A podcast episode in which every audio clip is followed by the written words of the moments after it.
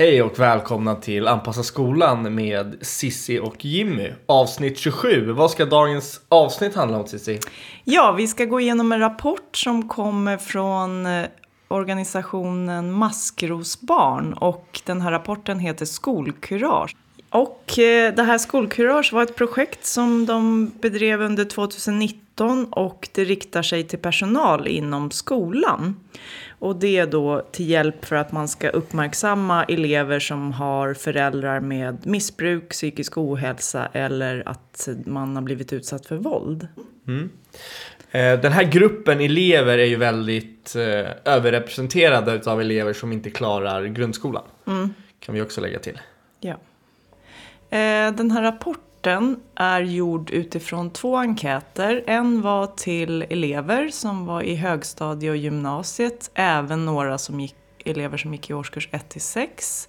Och sen skolpersonal i högstadiet och gymnasiet. Och totalt så har de fått ungefär tusen svar per enkät. Och eh, eh, då har man bearbetat det här materialet och sen så har man gjort den här rapporten och det är den vi ska ge lite exempel ifrån. Mm. Och rapporten är egentligen gjord för att man ska kunna tidigt upptäcka och hitta de här eleverna och hur man stödjer dem. För att i den här rapporten så kallar man det här för en riskgrupp, de här eleverna som är utsatta. Och eh, ja, Lite bakgrund kring det här handlar ju om att eh, många av de här maskrosbarnen eh, känner, eller undrar varför det är ingen som frågar hur de mår. Och på samma sätt så har lärarna undrar hur de ska fråga och är rädda att fråga hur eleverna mår och för, för att kanske förvärra saker, vet inte riktigt hur de ska bemöta det hela. Mm. Så det är väl bakgrunden till det här, mm. den här rapporten. Och lite så uppskattar de att det är ungefär sex elever i varje klass. Och då pratar vi alltså från låg till gymnasieålder, låg och mellan. Eh, som lever i utsatta för hemförhållanden. Så det är ju självklart att du som lärare har någon sån här elev i din klass. Ja, precis. Ja. Och skolan är ju en av de viktigaste skyddsfaktorerna där just det här eh, upptäckts mm. eh, utav vuxna. Och hur kan det vara så då? Jo, för att många elever har ju skolan som den enda fasta och trygga punkten och då är det ju väldigt viktigt att vi får så bra relation som möjligt med våra elever så att man kan få reda på sån här information. Eh, lite information som framkom i rapporten eh, från skolpersonalen det är att man kan ha svårigheter att identifiera de här eleverna. Och då är det oftast att man kanske inte har en kunskap om hur upptäcker den här målgruppen. Och så beskriver man att man har tidsbrist ofta, att det finns inte ens tid att hinna fråga sina elever. Eller så kan man hamna i det här med sekretess och eh, informationsutbyte från elevhälsan. Att ibland så kan det fastna information som kan vara viktig för mig som mentor att eh, ha. Att den fastnar eh, vad ska man säga, i elevhälsan på grund av sekretess. Men då är det lite så enligt lagen att den informationen som gagnar eleven den är bra om man får. Och det är ju Särskilt sådana här grejer om hemförhållanden så. Så det får man ju tänka på som mentor att man kan ju ställa sådana frågor till elevhälsan. Om det finns information om hemmet. Mm. Och eh, vilka faktorer är det som gör att det blir lättare att identifiera de här? Det är ju framförallt om man har en liten skola där man känner alla elever och kanske man känner till även föräldrar och så. Det kan vara positivt. Och att man har eh, ett väldigt bra samarbete mellan personalen och kanske socialtjänst eller BUP och så. Det är ju jätteviktigt. Och att man har utbildning och erfarenhet och man får det av sin skola. Hur ska jag bemöta, hur ska jag identifiera de här eleverna? Och då en jätteviktig grej är det här med överlämning mellan olika stadier. Och det är ju superviktigt att eh, överlämningen blir tydlig när man byter stadie. För då kan sån här information eh, vara jätteviktig.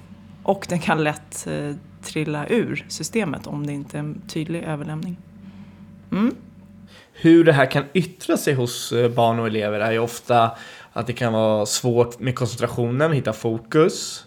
Många har brist på motivation, vill gärna hoppa av skolan. Eh, ångest. Och nedstämdhet. Mm. Och den här, jag kan ju verkligen se elever som de har en extrem trötthet. Mm. Alltså, Låg energi. Låg energi, att det, och man hör ofta då jag har inte sovit i natt. Det är ju väldigt vanligt svar som man får från de här eleverna. Jag har inte kunnat sova, jag sov bara två timmar. Det är ett standardsvar, i alla fall äldre elever pratar jag om nu. Ja. Kanske inte de som går i årskurs ett, men det är klart att det är samma där. Mm. Och det här kan ju enkelt eh, misstolkas med till exempel en, med en NPF-diagnos där, där man får svåra så här, koncentrationssvårigheter som sa, man får överkänslighet kanske mot ljud, ljus och nedstämd, alltså så. Mm. Så det kan ju gärna, kan vara svårt att se skillnad på det. Mm. Så resultatet som den här rapporten har gett är ju dels att den största gemensamma nämnaren har varit för eleverna relationen, att de ska känna en tillit till eh, personalen, lärare eller fritids... Ja, hela personalen egentligen. För att våga yttra sig. Och det visar ju också att det är ju inte ofta är det ju inte eleven som går till personalen och berättar, utan det är den vuxna personalen som har tagit initiativet att fråga hur du mår och ofta inte bara en gång utan flera gånger. Eh, inte bara för att, ja det är svårt att öppna sig liksom, men visat att man verkligen bryr sig, att man är där och tycker om sitt jobb och tycker om eleven, bryr sig om eleven. Mm. Hur mår du? Mm. För många elever är ju rädda att berätta för de tänker att det kommer ändå inte hända någonting. Om jag ber om hjälp här så kommer skolpersonalen ändå inte hjälpa mig. Det är därför många inte berättar. Precis, de har blivit, ofta har de blivit svikna av vuxensvärlden flera gånger. Eh, något mer som framkommer från skolpersonalen som har svarat på den här enkäten är att det är ju Dels kan man känna att man inte har någon kunskap eller utbildning och jag vet inte hur jag ska upptäcka de här symptomen och de här tecknena. Och hur ska jag ha tiden att prata med mina elever? Och på vissa skolor så har man alldeles för lite kuratorstjänst. Eller någon skolsköterska kanske kommer en dag i veckan. Om jag frågar min elev hur mår den och jag vill lämna vidare till elevhälsan så vet jag inte ens kanske när elevhälsan finns på plats. Det är många lärare som eh, uttrycker att det blir svårighet. Och så är det även det här då att eh, vems ansvar är det här? När jag väl har fått info, var tar jag det vidare? Och det måste vara tydliga ansvarsroller då som är uttalat på skolan. Och vem är det som kontaktar socialtjänsten? Hur får jag tag i BUP? Är det polis som behöver vara inblandad? Och då måste jag veta som lärare, vem kontaktar jag och vad kan jag själv ta hjälp av? Det är många i den här enkäten som uttrycker att det är svårt, att man inte vet hur ska jag gå vidare. Och sen är det eh, att man vill ha mer, eh, vad ska man säga, social tid med sina elever. Och det här är en självklarhet, det vet ju vi som lärare, att det kan vara stressigt, att man måste springa mellan lektioner. Och det är någonting som vi alltid trycker på, att det här kan bli en schemateknisk fråga lägg extra tid mellan lektioner så du har tid. Det kan vara en dag så kommer en elev och vill prata med dig efter lektionen och ska berätta något viktigt. Då måste du ha tid och inte säga jag måste gå nu. Det här är någonting som skolpersonal ofta säger, det blir mitt hinder. Jag kan inte hjälpa alla elever. Ja, och det är inte bara en schemateknisk, det blir även en resursfråga. Och det tar de ju upp här, att det ofta är om man har sin lektion och sen fem minuter senare så kommer nästa gäng in och då saknas den här tiden. Mm. Så ser det ut. Ja, och sen även en annan viktig sak i rapporten är att, eh, och det har vi läst i andra rapporter också, att det har visat sig att har man det här ämnet, alltså psykisk ohälsa eller att du är uppväxt med föräldrar som missbrukar eller har psykisk ohälsa hemma. Så om vi pratar om det i klassrummet på lektionstid med barnen och ungdomarna så är det alltid det ger alltid god effekt. Det blir lättare, man känner sig inte utsatt att man är ensam i hela klassen. Man får höra vad ska jag ta vägen om jag behöver hjälp. Så det ska in på lektionstid eller i undervisningen. Det är många eh, personal som vill då. Att det ska vara dels att personalen behöver utbildning om det här, men eleverna behöver det. Och de behöver höra det under skoltiden, liksom på lektionen. Några önskemål från eleverna? Hur de vill bli hjälpta av skolan? Yes. En här är ju hjälp eleverna att bli hjälpta. Vad skulle det då till exempel kunna vara? Det skulle väl kunna vara att eh, hur, eh, hur ska en elev få samtalsstöd kanske? Mm. Man lotsar vidare till kurator eller skolsköterska eller var, Ja, eller vården. Som, eller vården, ja. precis. Och det är ju en sån grej, då, då behöver du veta var, var ska man ta vägen. Du kan ju också kanske behöva följa med, det är kanske är jobbigt för eleven att gå själv. Då kan man erbjuda, jag kan följa med dig och boka en tid hos kurator. Och så vidare. Yes. Mm. En annan sak då, följ upp och var tydlig. Berätta vad som kommer att ske. Mm. Eh, och så har de även den här, gör eleverna delaktiga i processen. De tycker jag hänger ihop lite. Mm. Så, och då tänker jag att, så att eleven vet hela tiden vad som händer. Alltså okej, okay, men vi säger att en elev till exempel öppnar sig till dig och berättar att ah, det är jobbigt hemma, det, det sker våld i hemmet. Okej, okay. mm. berätta vad du ska göra nu, hur kommer vi gå tillväga och, och även ta med eleven där. Okej, vilket för det kan ju vara två delar, men du behöver stöd, du kanske behöver prata om det här och så. Men jag som lärare behöver ju också gå vidare med det här. Mm. Så berätta gärna det och gör eleven delaktig. För det kan ju annars vara en stress tänker jag. Okej, nu har man öppnat sig för läraren och sen så går man ju därifrån. Ja, vad händer sen? Exakt. Ja, vad, vad tänker nu? den här eleven på kvällen? Vad tänker den här mm. eleven sen. Liksom. Mm. Okej, okay, undrar vad som kommer hända nu, undrar vad som kommer hända nu. Det är också jobbigt. För man kan ju dels fyllas av skam att nu har jag berättat, jag har lämnat ut min familj och jag som personal i skola har du eh, anmälningsplikt. Ja. Och då måste du berätta det för barnet att så här kommer det bli och jag hjälper dig hela vägen. Eh, så att inte man lämnas där med känslan.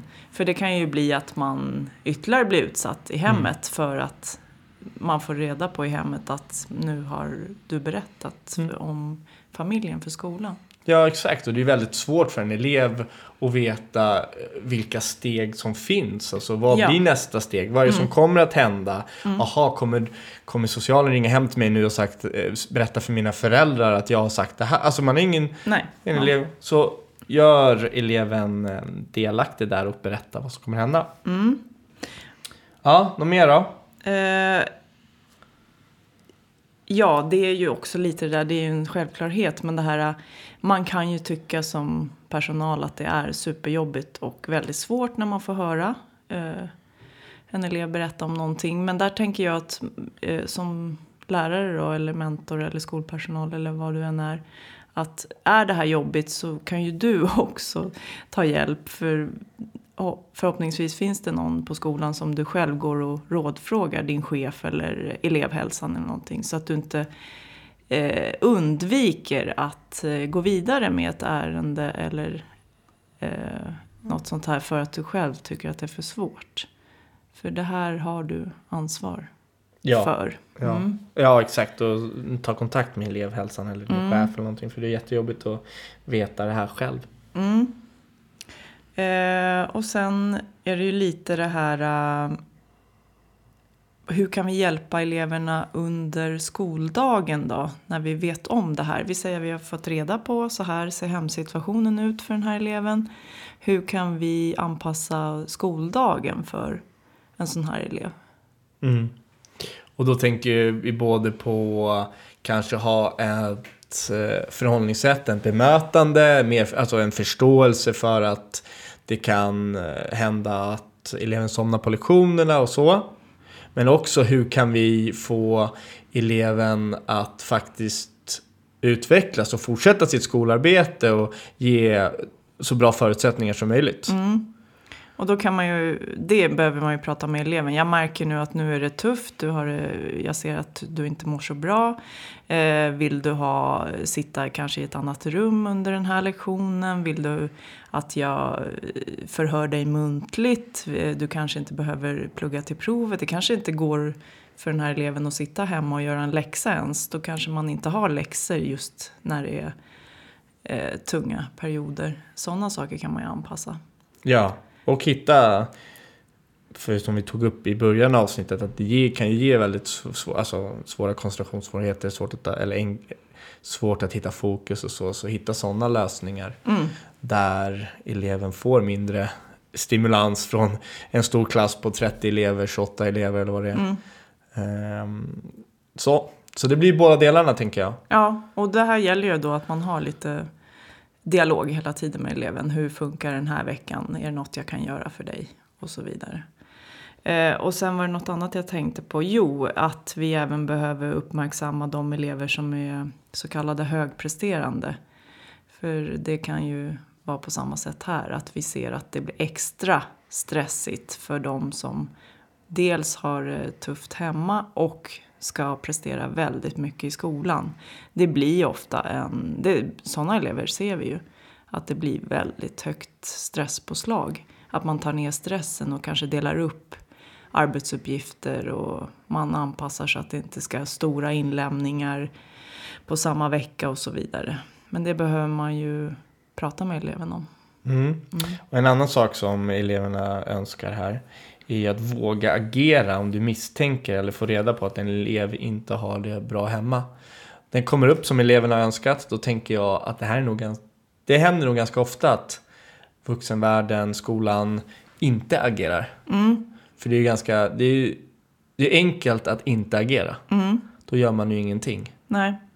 Man frågar bara kanske hur den mår men man går inte vidare. Nej, och man tycker nog att det är lite jobbigt att mm. gå vidare. Mm. Man tycker nog att det är lite, det kan ju dels vara svårt men också lite att man eh, man kanske har en god relation med den här eleven. Eleven har inte öppnat sig för dig eller berättat, no berättat någonting i förtroende. Men du börjar misstänka saker men det kanske ändå känns att agera på sin misstanke kan ju ändå känna att man kanske bryter någon typ av förtroende. Precis, och man kan ju även vara orolig för att eh, eleven ska råka illa ut när den kommer hem. Mm. Och det är ju också, ja, hur, vill man skapa en värre situation och det måste man ta med sina kollegor. Hur ska vi agera så att det blir på bästa sätt för barnet? Precis. Jag tror det är jätte... Jag tror det tyvärr är vanligt. Mm. Att man inte agerar. Men då är det också så här att skolan ska ju inte ta över allt ansvar då för ett barn som far illa. Men eftersom barnen spenderar väldigt mycket tid i skolan så är det oftast här det upptäcks. Och då måste vi ha rutiner, vi måste ha kunskap och veta hur vi ska agera när vi får den här informationen. Och elever som har fått hjälp av skolan och känner att man blir lyssnad på, att någon vuxen gör eh, någonting när man har fått reda på något. Det ger ju en trygghet för de här barnen. Och de vill att vi ska fråga. De vill att vi ska bry oss. Och det är mycket värre med att inte fråga så att man får gå år efter år och ingen gör någonting. Ja, vad tror du? Nu frågar jag dig. Vad tror du är största problemet? Tror du det är rutinerna? Tror du det är kunskap? Tror du det är eh, resurserna? Jag tror att det är en kombination av det. Ja. Jag bara tänker som jag själv. Mm. Eh, det tog väl många år innan man själv upptäckte kanske att jaha, det kan vara det här som är... Och det handlar ju om information. Hade jag fått informationen om vissa elever vid ett tidigt stadium så kanske jag inte hade gått och undrat, har den här en NPF-diagnos? Utan då kunde jag snabbt kanske skilja på det där och veta hur jag ska agera. Så informationen är ju superviktig.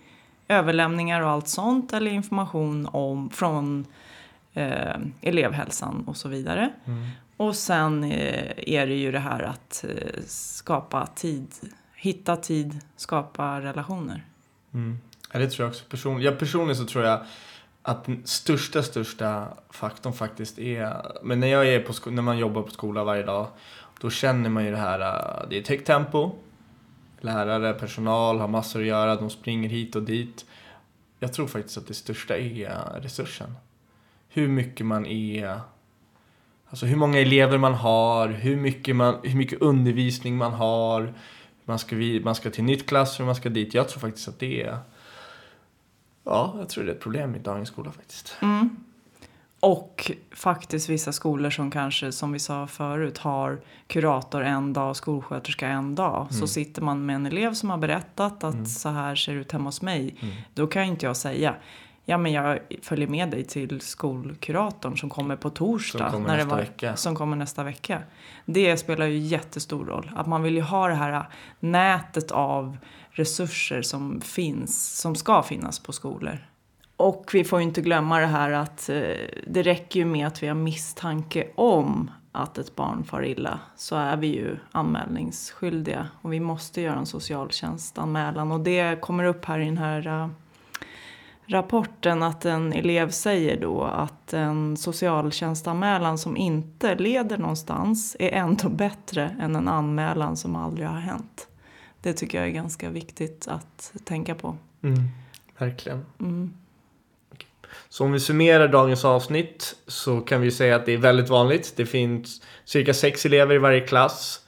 Eh, så uppmärksamma, fråga, fråga flera gånger. Det är läraren, eller den vuxna ska jag säga, som oftast tar initiativet i sådana här eh, situationer. Och, eh, och vara tydlig med processen, vad som kommer hända, vad blir nästa steg, eh, gör eleven delaktig.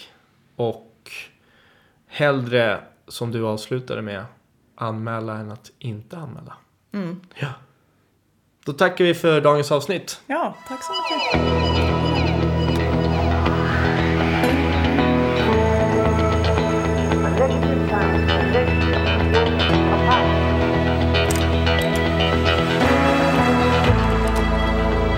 Negative times a negative equals a positive.